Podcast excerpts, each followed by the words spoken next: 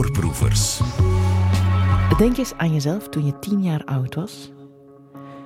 Reisde je toen misschien al eens 1500 kilometer naar het zuiden van Frankrijk, bijvoorbeeld naar Spanje? Maar wat als je 1500 kilometer zou reizen in een richting die je niet kent, naar een land dat je niet kent, om daar een nieuw leven op te bouwen?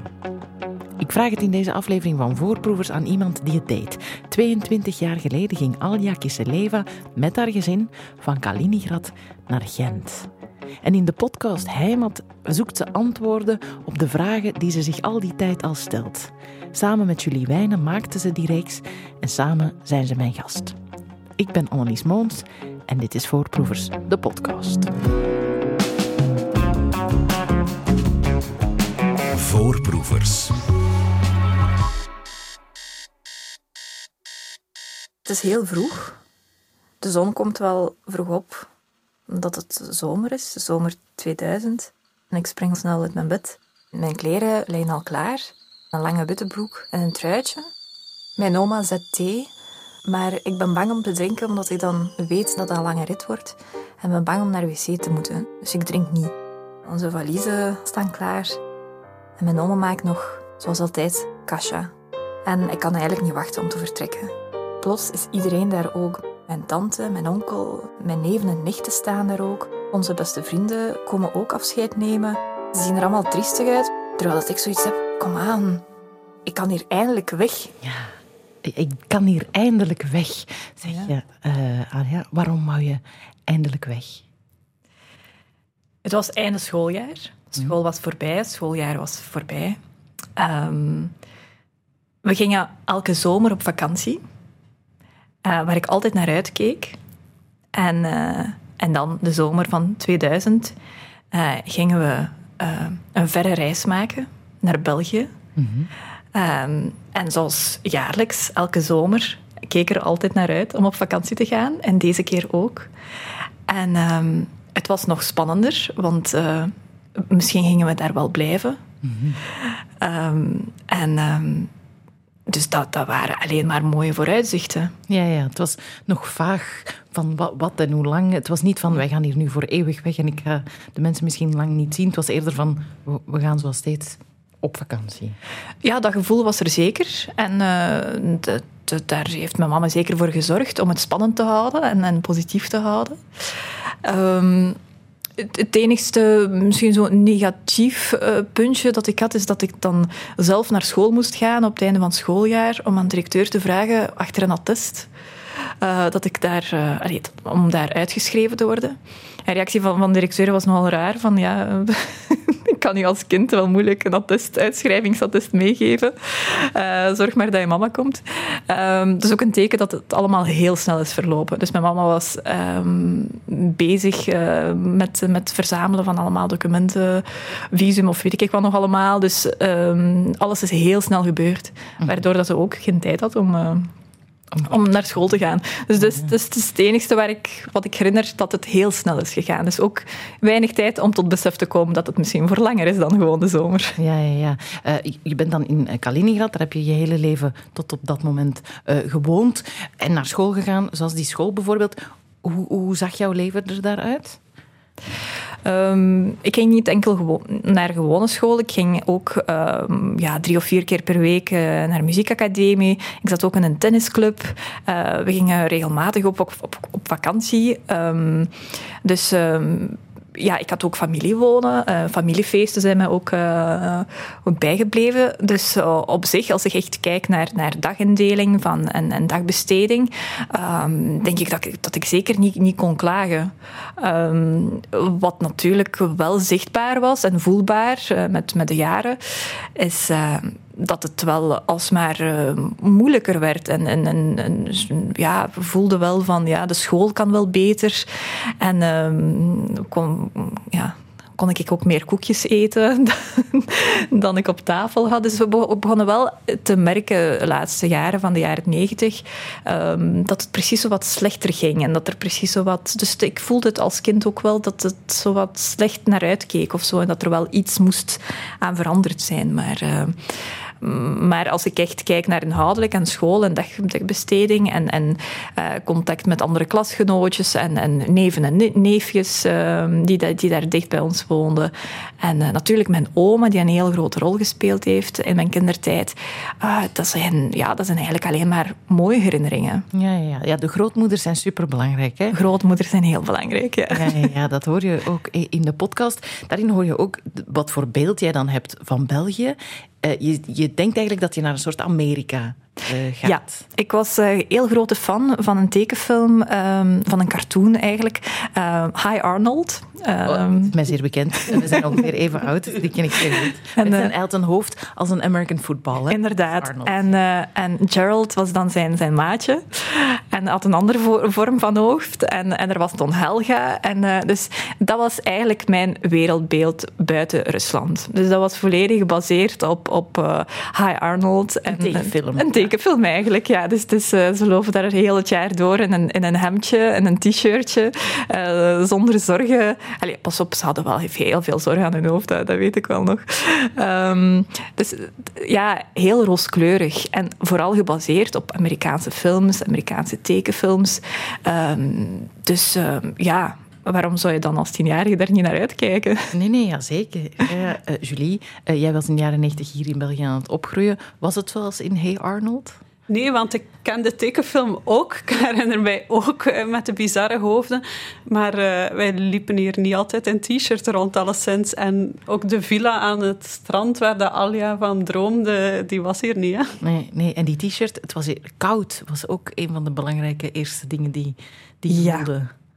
En dat, dat is eigenlijk wel nog steeds zo dat, dat, uh, dat de temperaturen binnen in Rusland heel hoog zijn, zelfs in de winter. Dus, dus het temperatuurverschil kan echt oplopen tot, denk ik, 30 graden. Of, of zelfs meer. Ja, binnen en buiten dus, soms tot 50, 60 graden. Want ik ben daar nog geweest en dat was binnen 28 graden en buiten min 30. Ja, dus, en als je dan met kleren aan en uit was... Ja, dus de norm in, in denk ik ook alle ex-Sovjetlanden is dat het binnen rond 25 graden is. Ook al is het aan, aan het vriezen buiten. Dus dat, dat was binnen, de, de temperaturen binnen vooral. Omdat je dus, dus uh, dat, contrast niet meer hebt met buiten, en dat je dan naar uitkijkt om naar binnen te gaan en heel knus uh, uh, ja, en warm kunt hebben binnen. Dus dat, en dat, dat is ja, het, was, het, was, echt heel lang winnen. Mm -hmm. uh, heel lang winnen totdat ik uh, ja, daaraan gewend was dat het, uh, dat het koud is. Pas op, nu is het omgekeerd. Hè. Dus als het echt meer dan, dan 20 graden is, dan is het ook wel te warm dan voor ja, mij. Ja. Want dat, dat is iets klein waar je niet per se aan denkt wanneer je van land verandert. Bijvoorbeeld de temperatuur. Zo waren er heel veel dingen wanneer je dan in België aankomt dat anders zijn waar je het niet verwacht. Ja, zeker. Um, ik, ik had totaal geen, geen idee van, van de mentaliteit, van een andere cultuur. Dus, dus ja, het was uh, uh, informatie die we toen hadden zonder internet in de jaren negentig op basis van, uh, van cassettes die we dan aan elkaar uitleenden met, met vaste vijf films daarop. Um, dat was het ook. Um, en er waren ook weinig mensen die ons daarover konden vertellen, want uh, we hadden wel vrienden in Amerika wonen en er waren ook uh, kennissen die naar Israël vertrokken. En, en op basis van die briefwisseling konden we wel een beeld schetsen. Maar we wisten eigenlijk, eigenlijk wist ik niks uit over België, behalve dat er Frans gesproken wordt. Ehm, ik wist toen helemaal niet dat, dat Nederlands bestaat in, in, in België. Dus ik herinner me wel dat ik zo ehm, tot tien leerde, leerde tellen in Frans voor zo een week voordat we vertrokken. Hmm. En, um, dus dat was het. Um, en dan het eerste dat mij natuurlijk uh, opviel, ja, de, de um, ja, kledij, kledingrecht. Eh, mode dat totaal anders was. Um, het leek me op eerste zicht was het ook veel soberder, dus, uh, veel bescheidener zou ik het, uh, zou ik het ook uh, durven noemen. Um, Beetje saai zou je Saai, nogal zeker saai. Zeker in het begin vond ik het allemaal heel saai. Ik dacht, hey, kom, wees toch wel uitbundiger. um, ja, dat, dat, dat, is, dat is iets waar dat je je niet op kunt ja, voorbereiden zonder internet in die tijd. Dus, dus er waren heel veel, heel veel verrassingen. Ook uh, qua taal natuurlijk. Ook, uh, Nederlands is, uh, was totaal een nieuwe taal. Frans, Engels, dat was nog, daar kon je toch nog toch iets uithalen. Nederlands was totaal een, een rare taal waar ik heel weinig over wist. Ehm, bepaalde woorden ook, uh, die, die heel, heel uh, grappig ook klonken in het Russisch. Uh, Bepaalde uitspraken die... die of allee, echt bepaalde woorden die scheldwoorden dan zijn in het, oh, in het daar Russisch. moet je een voorbeeld van geven. Daar ga ik ja, een ja. voorbeeld over geven. Bijvoorbeeld Goedemorgen, wat nu plots heel populair is geworden met het liedje van Nicole en Hugo. Goedemorgen, morgen. Ja. En blijkbaar is dat heel populair geworden op TikTok, TikTok bij Ah, ja. Uh, heb ik horen waaien een maand geleden of zo. Maar ja, het, het is ja, bekend gegeven dat dus goei is eigenlijk lul in Russisch. Ah ja.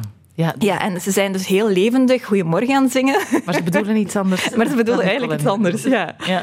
Um, en, uh, en ook, um, ik herinner me dus, dus in woordenboeken, dus eerst, uh, dus we kwamen aan in België, en, en dan begin je zo, zo schriftelijke taal ook te leren. Hè. En er staat dan goedemorgen. Hè. Dus en, en dan kom je, ja, op 1 september kom je naar school en, en juf Karin zegt tegen iedereen goedemorgen. En dan sta ik daar van, oké, okay, wat, wat bedoelt ze nu daarmee? Ja, ja, de taal op papier is dan nog iets heel taal anders. op papier is helemaal anders. Dus goedemorgen. En ik herinner me ook als we dan familie of, of vrienden uit Rusland uh, op bezoek kregen, dat was ook het eerste dat hen opviel van, goedemorgen, wat zeggen ze hier nu? En met, met zo'n big smile, hè, want hè, die Europeanen die, die lachen allemaal zo en tegelijkertijd bedoelen ze misschien helemaal iets anders. Uh, dus ja, voilà, een ja. van de voorbeelden. Ja, ja, ja, want dat Nederlands dat leer je op school al gaande en al doende, uh, maar je krijgt ook een CD-ROM waar je oefeningetjes mee moet, moet invullen, maar dat blijkt ook nog een ander soort Nederlands zijn. Ik verstond er helemaal niks van. Ik, allee, dat, was, dat was tof, hè, met prentjes. En ik dacht, ja, ik moet toch uh, de les niet volgen. Dus, dus uh, een kind, ja, als hij een kans krijgt om, om uh, niet op te letten, dan, ja, ik, dan grijp je ook die kans. Dus ik dacht, ja, leuk, ik mag gewoon even zo op prentjes klikken. Maar eigenlijk verstond ik daar geen bal van. ik, ik, ik, zat daar en ik dacht, ja, wat, is dat voor een taaltje? Want ik kwam totaal niet overeen met, met wat er in de klas gesproken werd, ook met, met, met agents en... en ja, dus ik kon het heel lang niet plaatsen. Ik kan nu, want in de podcast zeg ik ja, ik heb een jaar lang of zo niet geweten. Het zal waarschijnlijk korter geweest zijn, maar ik kan me wel herinneren dat ik lang achteraan zat um, en, en niet, niet wist met wat ik bezig was eigenlijk. Mm. Ja. Ja, zo zouden we uh, meer dan een uur kunnen vol, vol uh, praten met alle dingen die, die jou verrassen. En die, die zeker. Uh, eentje dat ook heel opvallend is in de podcast is het grof vuil. Er worden ook brieven oh, ja. voorgelezen in de podcast. Brieven die jij geschreven hebt naar je grootmoeder, maar ze worden door iemand anders jonger ingelezen in de podcast. En dat gaat dan als volgt. Ik schrijf je vanuit mijn gezellige kamer. Met een tafel, een lamp en een typemachine. Alles gevonden op straat en alles werkt. Als ik mijn brief hier begin over grofvuil, dan wordt het ongetwijfeld een zeer boeiend verhaal. Laten we beginnen. 25 september ging papa naar Merelbeek. In Merelbeke ging hij kijken of er al spullen buiten stonden voor de ophaling van grofvuil. Hij zegt, zo'n leuke spullen dat ze daar weggooien. We zagen dat hij op zijn bagagerek een videorecorder had, in zijn rugzak een toetsenbord voor een computer en in zijn hand nog een andere fiets. Ik heb in de struiken nog twee gevonden fietsen, een stofzuiger, een koelkast en twee stoelen verstopt. De volgende dag zijn we s'avonds vertrokken met heel de familie. We vonden een microgolven, pollepels, een scherm voor een computer en om het allemaal te vervoeren vonden we nog een bug. Plots begon het te donderen en zagen we een verschrikkelijke bliksem. We werden bang en fietsten vooruit. Papa verstopte de buggy in een buis en liet de microgolven achter. Hij viel twee keer van zijn fiets en haalde ons pas in de stad Gent in. Toen we thuis aankwamen, wouden we direct de microgolf uittesten en die werkte. We hebben direct aardappel willen opwarmen, maar dan viel de microgolf en de elektriciteit beneden helemaal uit. Papa ging de dag daarna naar een kennis om te vragen hoe we de elektriciteit terug kunnen aanzetten. Die kennis zei dat ze hetzelfde probleem hadden en een elektricien hadden opgebeld en hij loste alles op voor groot geld. Papa was er tegen en heeft alles zelf gerepareerd. Dat was het verhaal over grofvuil.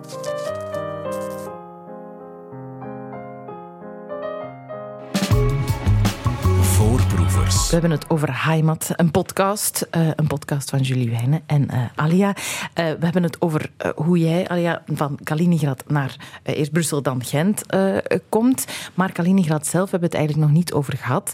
Um, want dat is Rusland, maar dat ligt niet in de grote brok uh, Rusland, hè? Nee, het is een soort van enclave. Hè. Uh, grenst aan uh, Polen, Litouwen en Wit-Rusland, denk ik ook. Ehm, dus ehm, ja, eigenlijk echt wel afgezonderd van Rusland zelf. Ik herinner me nog, als ik uh, met de trein naar Moskou ging als kind, ehm, dat we echt ja, door Litouwen moesten en door Wit-Rusland om dan uiteindelijk in Moskou te geraken.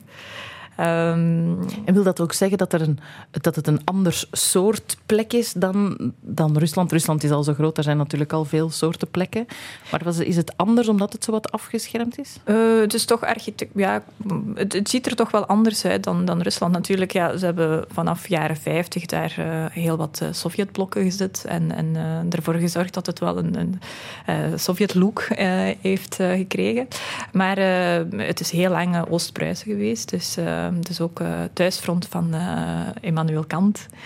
Uh, ook bekend voor Amber. Een heel mooi um, kuststreek ook. Um, en dus na het einde van de Tweede Wereldoorlog is dat een soort van compensatie, denk ik, um, aan Rusland gegaan. En, en dus ja, de Sovjet-Unie in der tijd. En dan um, ja, moesten ze, moesten ze dat, gebied bevolken. En dan uh, zijn mensen uit, uit uh, verschillende streken, uit Rusland, uit andere Sovjetlanden, in Kaliningrad komen wonen. En zo is mijn oma daar ook geraakt, samen met haar moeder dan. Um, en voilà. Mm -hmm.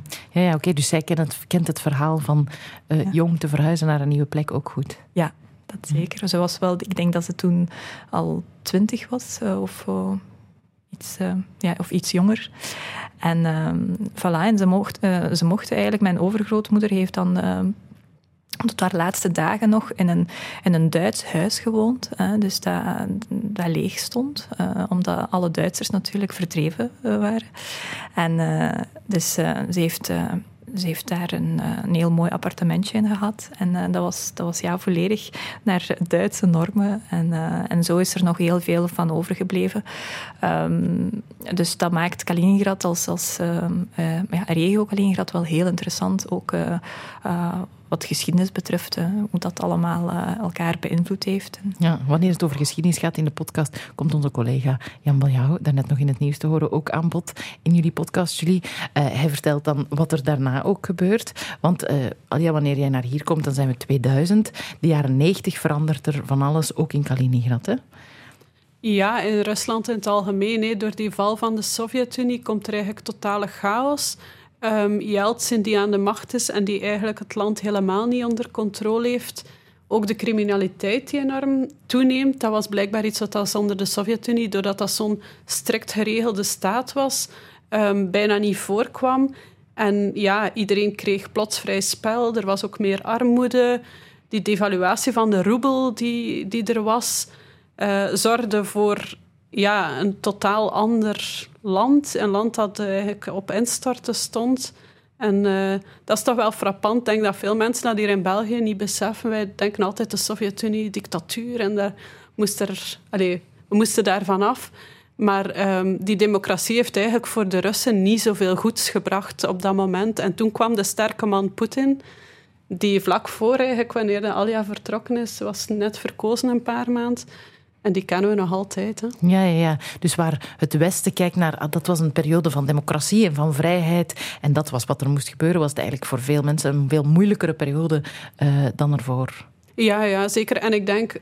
Alia, haar... Uh, grootouders waren ook lid van de partij geweest onder het communisme, wat dan natuurlijk de, de ommezwaai nog veel groter maakte van uh, een bevoorrechte positie naar eigenlijk ja, een, een positie van mensen die niet meer gewild zijn. En dat gecombineerd met die chaos uh, heeft wel een enorme impact op mensen gehad natuurlijk. Ja, ja, ja. Uh, ik kwam twee woorden tegen uh, die ik al sinds mijn middelbare school niet meer had gehoord. Glasnost en uh, want daar gaat het dan over. Uh, we gaan jouw moeder Alia eens aan het woord laten, want zij zit ook groot in de podcast. Olga heet ze en ze vertelt hier over um, het waarom van dat vertrek en hoe het toen, toen was. Ik besliste, ik moet dat doen. En daarom, ik was een beetje hard op mijn beslissing. En daarom, ik heb mijn uh, gevoelens tegen mijn zus en mijn moeder geschrapt. Natuurlijk, mijn uh, moeder en mijn zus vragen niet bereuzen.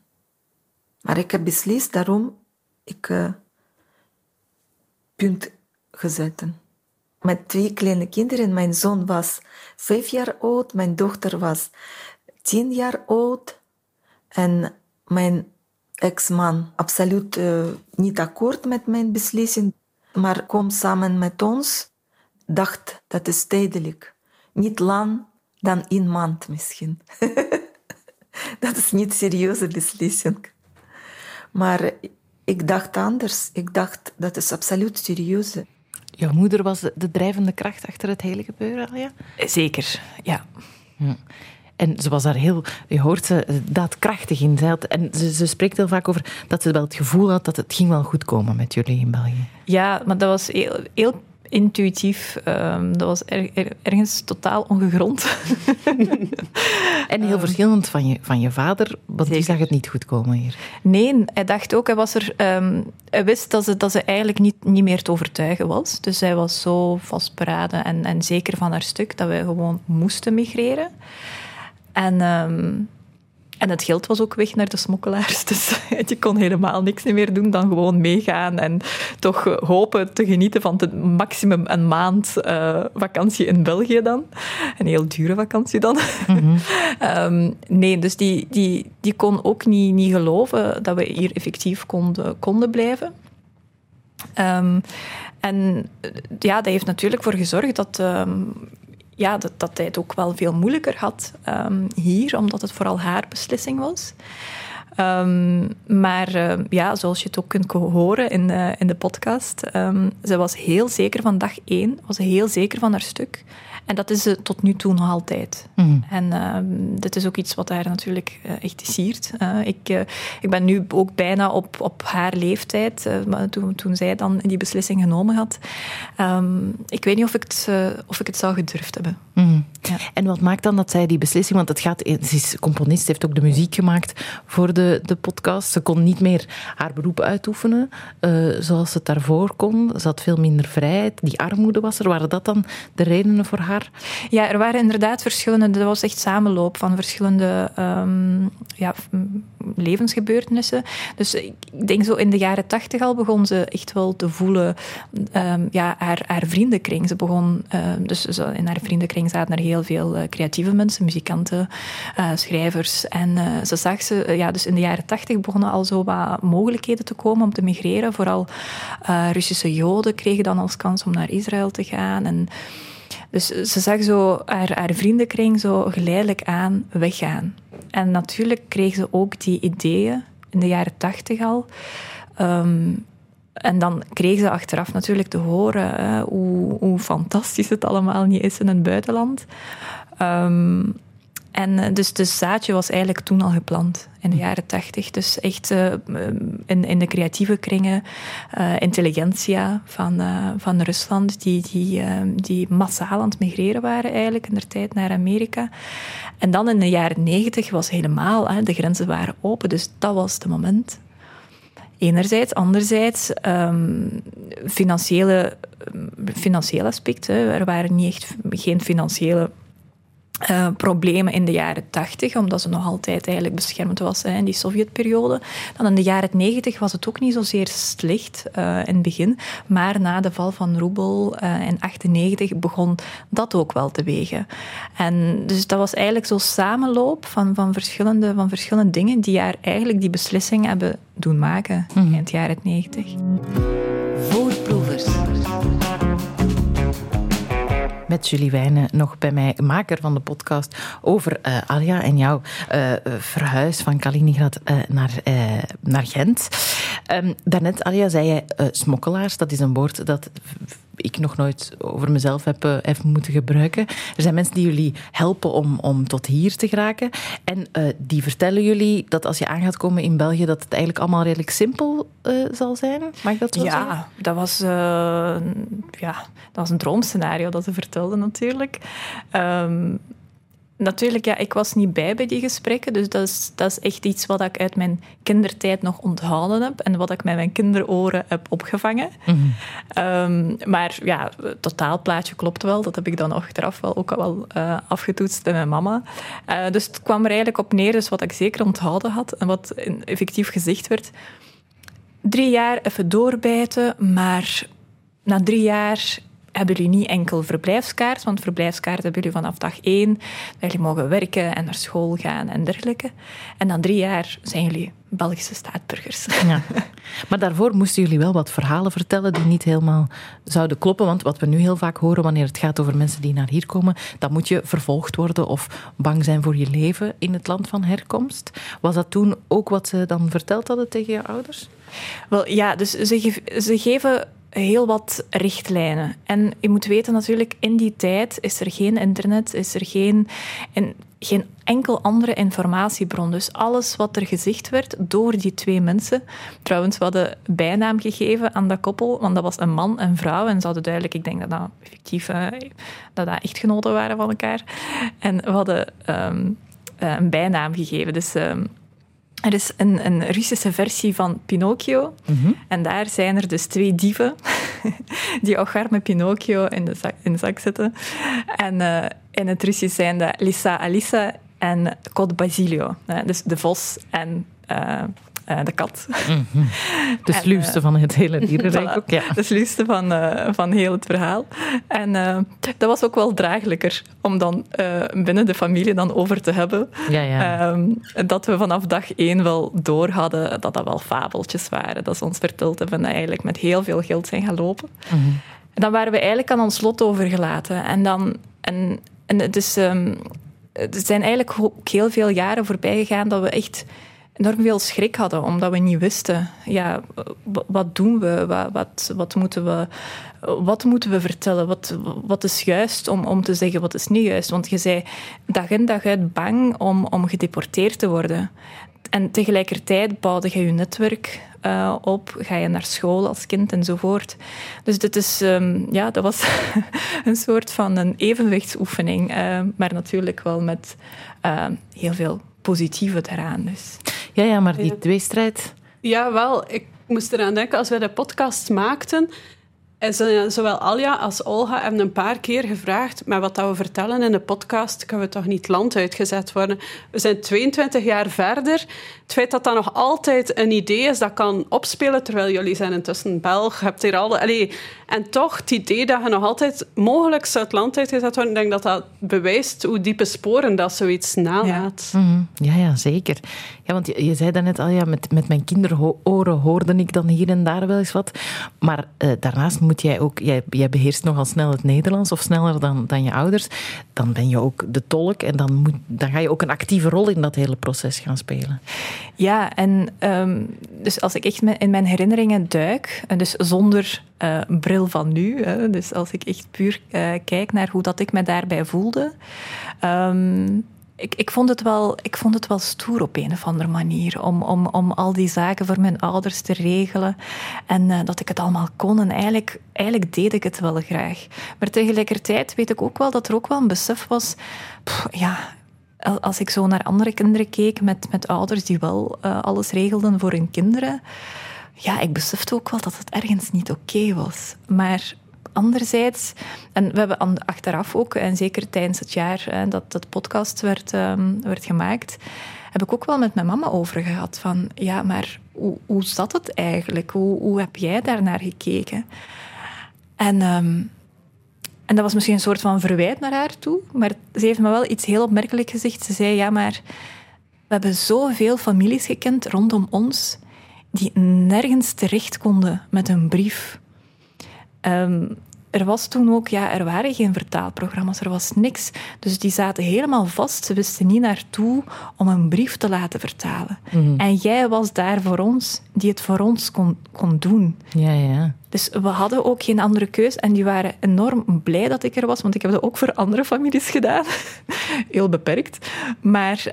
Um, ja, dat was gewoon de situatie. Ja, ja, maar het toont wel het belang. Natuurlijk, als je een brief niet begrijpt, dan kan je niet verder. Ja. Van, van tolken dan bijvoorbeeld. Uh, want daar gaat het ook even over in de podcast, jullie. Het belang van die tolken om kinderen niet een verantwoordelijkheid te geven, is wel heel groot dan. Ja, en ik denk in het jaar 2000 uh, waren er natuurlijk veel minder nieuwkomers in België, waardoor dat er ook tolken bestonden eigenlijk bijna niet. Of het was informeel.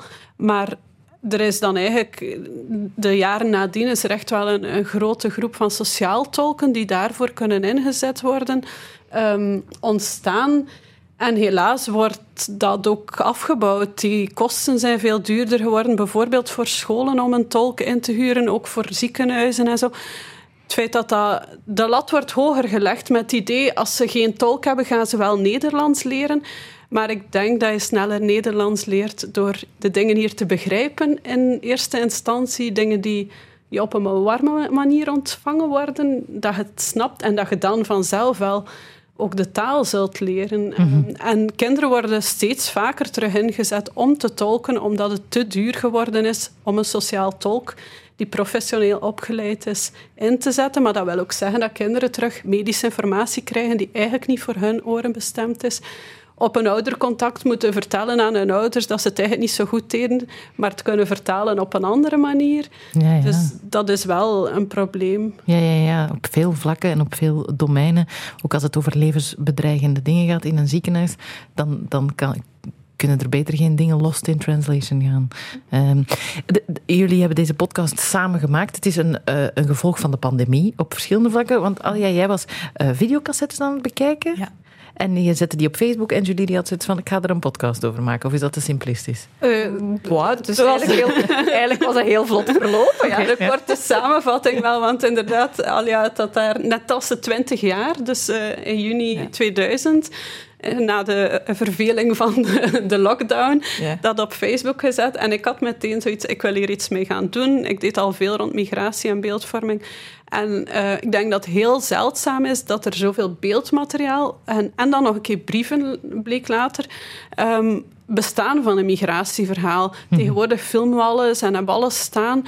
Maar eh, van het jaar 2000, het is eigenlijk een uniek stuk archief dat Alia en haar moeder in handen hebben. Er zijn meer dan 30 cassettes, cassettes van soms 5, 6 uur. Eh, dus, Letterlijk en- alles werd Ja. gefilmd. Maar we echt, eh, en dat toont ook aan, ehm, wat, wat, allee, en wat ik merk in al die cassettes, misschien was dat ook eigen aan die tijd. ehm, dat weet ik niet, omdat wij nu alles sneller doen. Maar eh, het, het viel op dat ze. Eh, dat ze in, in die wachtmodus zaten. Hè. Dat, dat wachten, je ziet, dat, dat er is tijd. Er is enorm veel tijd om, om mijn broer, die een uur lang op zijn fiets aan het rondfietsen is, om die, om die te filmen. Ze hadden daar tijd voor. er Die waren- gebeurt heel weinig in die gebeurt films. Soms, soms gebeurt er veel, maar soms gebeurt er... eh, Er zijn echt cassettes vol eh, die aantonen hoe, ja, hoeveel tijd dat ze hadden en hoe, hoe, hoe lang dat ze moesten wachten. Ja, En dat, is wel, dat is wel iets interessants om daar verder iets mee te doen, natuurlijk, met al die opnames. Ja, ja, zeker. Zeven jaar lang wachten en een heel verhaal. Eh, we hebben maar een fractie ervan verteld, gelukkig maar, want dan kunnen mensen eh, naar jullie podcast gaan luisteren. Hè. Heimat heet die, staat op alle podcastplatformen. Ehm, ja, me- dat, die gaan mensen wel vinden. Hè. Heimat, hoe dat moet schrijven is met een H en een E en een I, maar dat weten mensen. En als ze gewoon de radio willen opzetten, dat kan ook, want woensdagavond volgende week is, ehm, is hij ook te horen in Zandman, ons podcastprogramma met Friede Lesage. Dan ga ik jullie bedanken, want het nieuws van 7 uur eh, komt eraan. Eh, Julie Wijnen en Alia, dank jullie wel. Wat mag ik jullie wensen? Alles? ik weet niet. Alles mag zeker. Voilà, alles. En, en ook een beetje tijd, maar niet zoveel tijd. Voilà. Voilà, dat is een goeie. Voorproevers. Bedankt dat we een stukje van je dag mochten zijn. Julie Wijnen, Alja Kisseleva en ikzelf, Annelies Moons. Meer voorproevers op VRT Max en op Radio 1. Voorproevers.